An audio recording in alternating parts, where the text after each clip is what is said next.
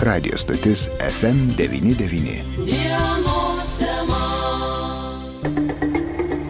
Studijoje prie mikrofono Vytautas Garbenčius. Įvykiai Ukrainoje kiekvienam e, uždavė tam tikrų klausimų. Na ir į tuos klausimus greičiausiai, kad ne visi galėjome atsakyti ir e, nukreipėme į atsakingas institucijas, kas, kas galbūt pasinėrime į socialinius tinklus. Nepaslaptis, jog dauguma ieško ten atsakymų, bet ten surasti teisingą atsakymą yra labai sunku ir nepasiklysti būtent tame tame informacijos sraute. Taigi, apie tai, kaip reikėtų elgtis, jeigu būtent iškiltų pavojus. Apskritai, ar ruoštis ekstremaliai situacijai yra, na, normali žmogaus būsena, normalus žmogaus, normalus žmogaus veiksmai. Mes šiandien kalbamės su žurnalistu Vidmantu Balkūnu. Sveiki.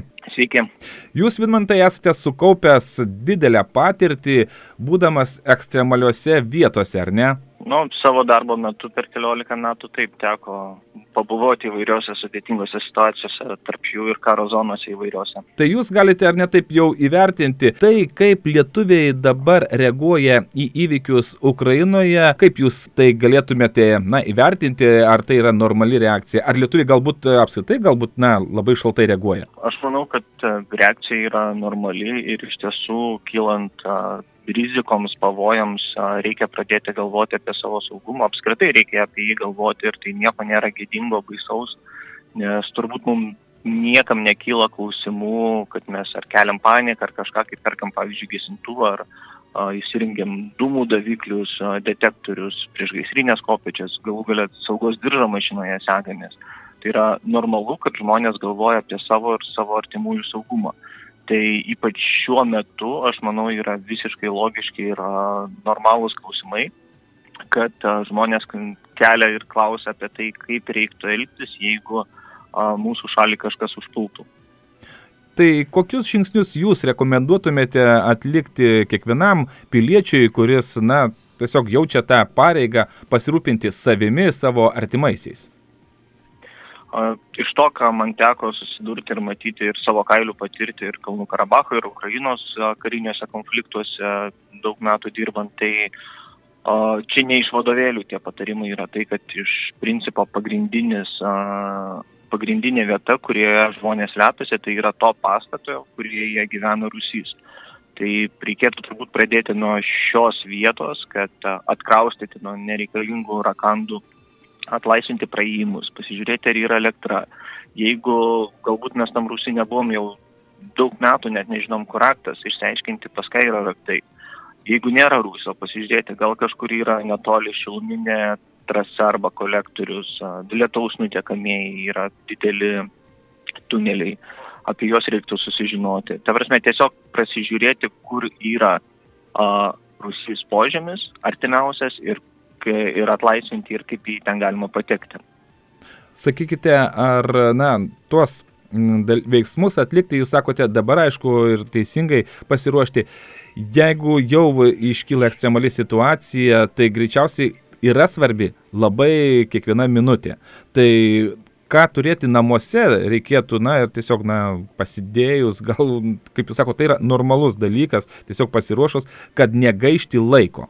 Aš manau, kad uh, reikėtų tiesiog pasidaryti, ne, nepirkti kažkokių specialių dalykų arba, arba kažkokių išskirtinių, daug kur siūloma kruopas, konservus pirkti. Visą tai yra gerai, puiku, dviem, trim dienom, keturiom, a, bet vėliau vis tiek žmonės jau taip, taip, taip surėdyti, surėdyti, kad jie ne, nevalgys tų konservų visą laiką. Tai gali būti labai trumpalaikis dalykas. Mano patarimas yra tai, ką daro, tarkim, karų, karų zonose gyvenantis, nuolatiniam pavojai gyvenantis žmonės Tai yra tiesiog turėti tai, ką mes kasdien vartojame, pavyzdžiui, kad ir maistas, daugiau atsargų ir nuolat juos keisti. Tai tarkim, tartum kažkoks buferis, kažkokios, kaip čia pasakyti, kaip parduotuvėse yra prekes, kurios perkamos, atnaujinamos, perkamos, atnaujinamos. Ta pati daryti su maistu ir tai turėtų būti orientuotis į normalų maistą, gulves, mėsą, tai, ką mes valgome kasdien. Aišku, verta turėti ir, ir, ir konservų šiek tiek atsargų, jeigu tektų judėti. A, vandens atsargos. Vandens atsargos turbūt geriamo a, iš to, ką tiek, kiek teko patirti, iš tiesų dažniausiai būna ir elektra būna kurį laiką, kad ir trukinėjantį, ir, ir vandens atsargus, bet uh, vis dėlto praverstų turėti bent jau kažkiek ten porą dešimčių litrų geriamo vandens ir jeigu tik kažkas nutinka, iš karto pilti tą vandenį iš, iš, iš kreuklių, iš vonios, jeigu neturim jokių talpų, tai tarkim, kad ir vonę prisileisti to vandens, kad po to jį būtų galima naudoti. Tai tuo pačiu pasirūpinti ir turėti kažkur šalia pasidėjus dokumentus, būto arba namo kažkokius įrodymus, kad, kad tu ten gyveni nekilnojamo turto dokumentus. Tai ir būti bet kada pasiruošus iš, išvažiuoti, nes kai prasideda neramumai, paprastai labai greitai užsikemša ir, ir gatvės, eilės prie, prie degalinių atsiranda, grinųjų pinigų poreikis atsiranda greitai labai, o bankomatai yra išloimi, tai ką parodė ir dabartinis Ukrainos pavyzdys.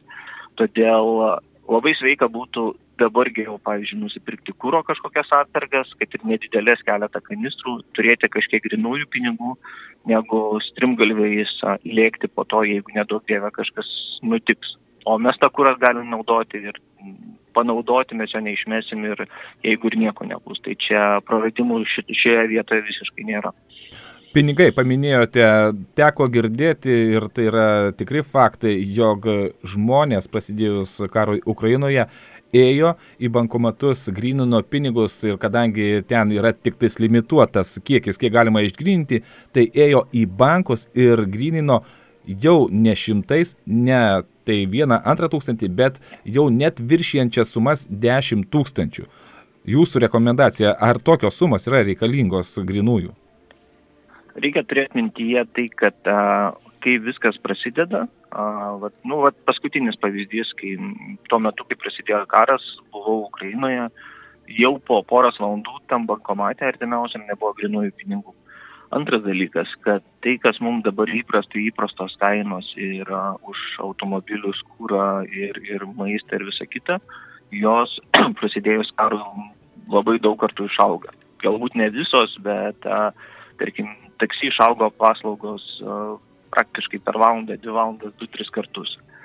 Dabar jau jos ten šoktelėjusios ne, nežmoniškais, iš vis ten dešimtimis kartų norim, pavyzdžiui, išvažiuoti iš kokio, kokio nors Kievo, ten kainuoja tūkstančiais eurų.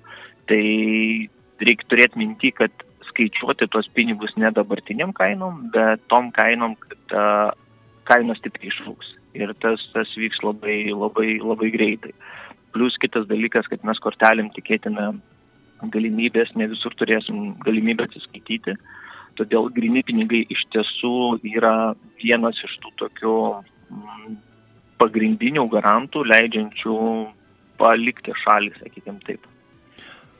Paskutiniu metu tiesiog mes matome per žiniasklaidos priemonės, jog lietuviai e, masiškai ir niekada, kaip sako migracijos atstovai, departamento atstovai, kad niekada nebuvo tokio kiekio dokumentų keitimo, tai eina keisti dokumentus, kad turėtų galiojančius pasus. Sakykite, ar iš karto turėtų, na, šeima, žmonės numatyti ir apsispręsti, ar jie lieka šalyje, ar jie, na, e, ir emigruoja, išvyksta, aišku, labai sunku yra ta strategija, bet ar tai yra svarbu būtent iš, an, iš anksto būti apsisprendus, ką darysi?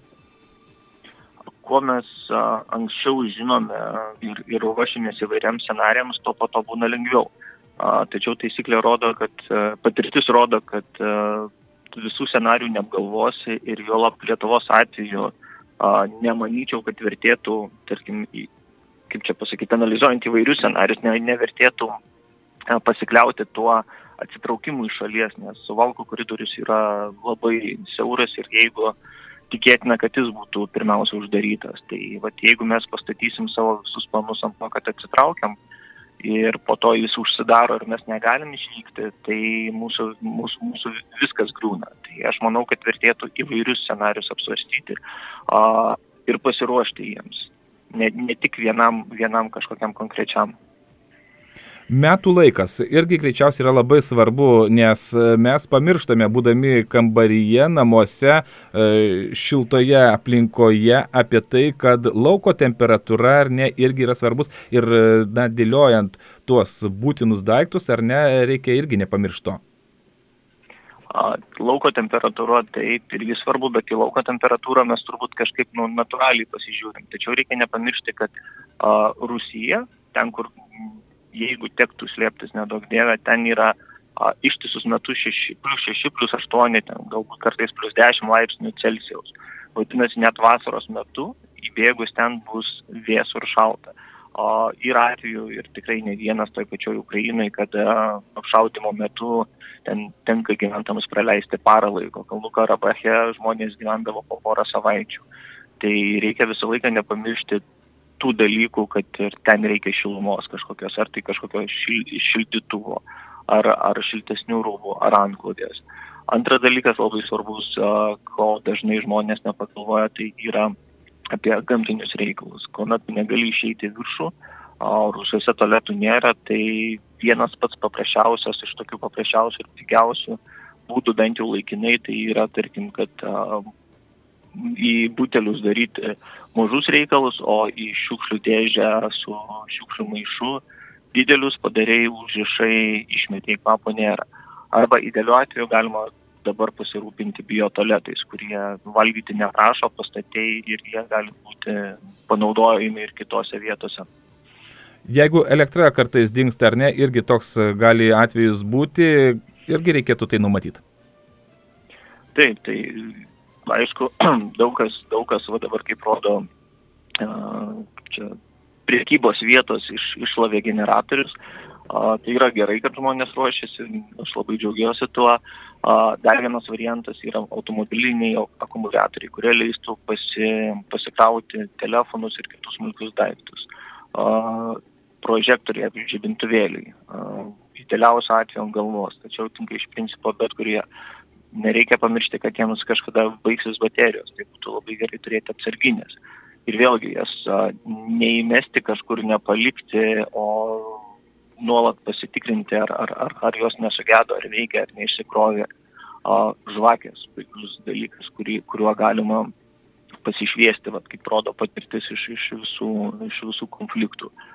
Tai tiesiog reikia, variantų yra įvairių, tiesiog reikia nepamiršti, kad, kad, tas, kad reikia apie tai pagalvoti. Ir daugiabučių namų rusiuose daug kur elektra yra nesutvarkyta, ten kažkokios lemputės perdegė, kažkur laidai nutrūkė. Tai kol yra laiko pasidaryti talką su kaimynais ir, ir susitvarkyti Rusijai, tai yra pats geriausias laiko praleidimo būdas susipažinti su jais galų galia. Bendruomenės labai svarbu yra, a, nes a, ten, kur net buvo pikčiausia kaimynai, tarkim, pafrontės miesteliuose, prasidėjus sunkumam jie visi su, susijungia į vieną kumštį, padeda vieni kitiems, prižiūri namus padeda maisto gauti, praneša apie sudaužytus langus, ten iškilusius pavojus, apie apšaudimus. Tai vat, labai svarbus dalykas yra dar kurti bendruomenės, laiptinės, namo, rajono, kažkokio regiono, kažkokiu pom, pagal pomėgius, nes tik padėdami vieni kitiems mes nu, tapsim daug stipresni ir daug daugiau šansų išgyventi taps. Kągi iš tikrųjų labai gera jūsų pasteba, tas bendruomeniškumas gali padėti ir e, išlaikant ramybę, ir pačiu sunkiausiu metu, jeigu kažko kažkam trūksta ar ne, visada ištiesti pagalbos ranką reikia ir tai mes šiandien darome ukrainiečiams. Šiandien ačiū Jums labai už rekomendacijas ir aš norėčiau pabaigti Jūsų pradėtais žodžiais, kad visų pirmiausia nereikia gėdytis ruoštis, nes, na, netgi patarlė yra tokia lietuviška, kad kas save saugo, tą ir Dievas apsaugo, ar ne? Taip, teisingai. Ačiū Jums šiandien. Dėkui Jums. Mes kalbėjomės su žurnalistu Vidmantu Balkūnu, pašnekovą kalbino Vytautas Garbenčius. Dienos tema.